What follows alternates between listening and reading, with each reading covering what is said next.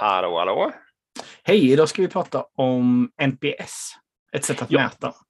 Du- ska nog få försöka föra tillbaka mig till de eh, positiva skala här. För jag har, eh, för mig nämligen, jag ska bara säga det blixtsnabbt, för mig började det här en gång i tiden som liksom en sån här grej som så här konstiga, sliskiga säljmänniskor håller på att tjata med som jag aldrig riktigt förstod. Och sen dess har jag varit skeptisk. Så nu ska du både förklara vad det är och om du faktiskt är bra på något sätt. Vi kör. Jag tycker det är bra. Ja. Det står ju för Net Promoter Score idag. Och det är egentligen ett mätvärde för att kolla hur nöjd kunden är. Liksom. Och kunden skulle ju teoretiskt kunna vara en intern grej beroende på vad för applikation eller något externt. Eller, det beror på helt på vad du håller på med. Någonting Och- man vill sälja egentligen, precis vad som helst, vara eller tjänst.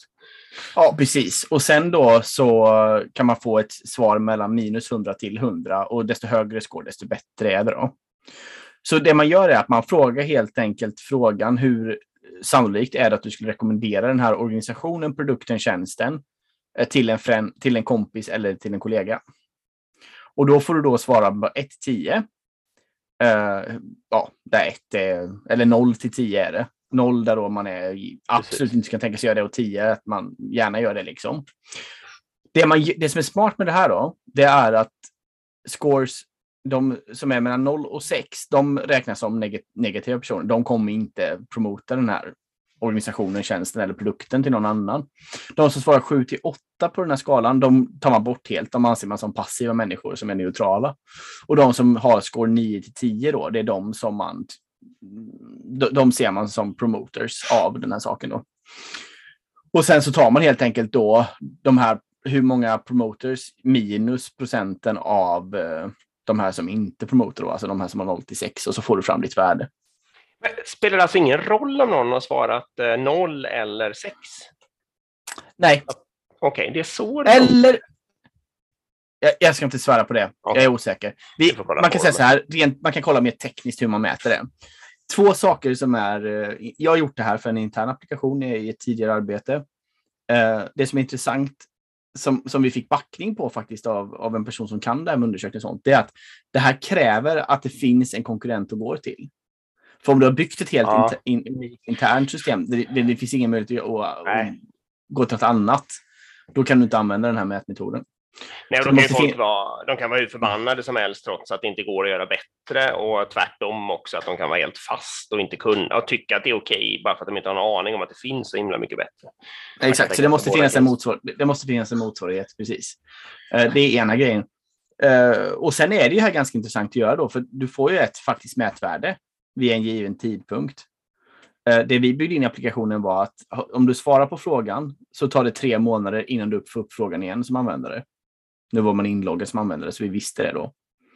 Så det gjorde att vi hela tiden hade ett, ett, ett värde på hur nöjda då kunderna var med vår tjänst. Liksom. Och det var jätteintressant att se, för då kunde vi göra massor med olika saker och som vi trodde skulle förbättra kundupplevelsen och så kunde vi faktiskt få ett mätvärde på om det gjorde det eller inte. Eller hur det påverkade NPS-score.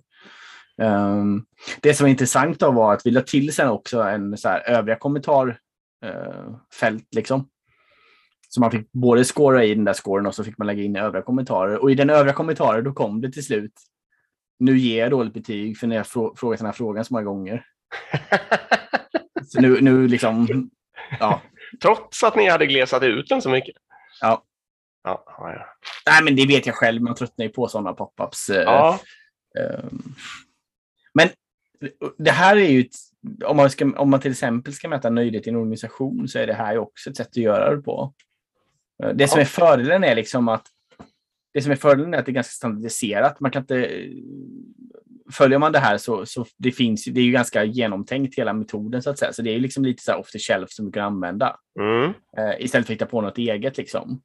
Eh, Plus att du kan ju också då benchmarka det mot andra applikationer Mm. eller organisationer och så vidare. Så det är också en fördel då, i och med att det är ganska standardiserat.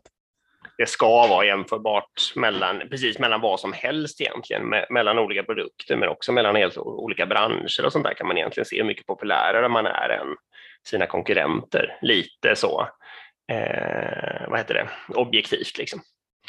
Ja, men okej. Ja, du har nog vunnit över mig faktiskt. Det var, det var smartare än vad jag trodde. Det var också mer standardiserat än vad jag trodde. Det hade jag inte heller fattat. Eh, jag ska testa någon gång. Ja. Mm. Det var det Bra. för idag. Det var det. Då hörs vi. Tack. Hej. Hej.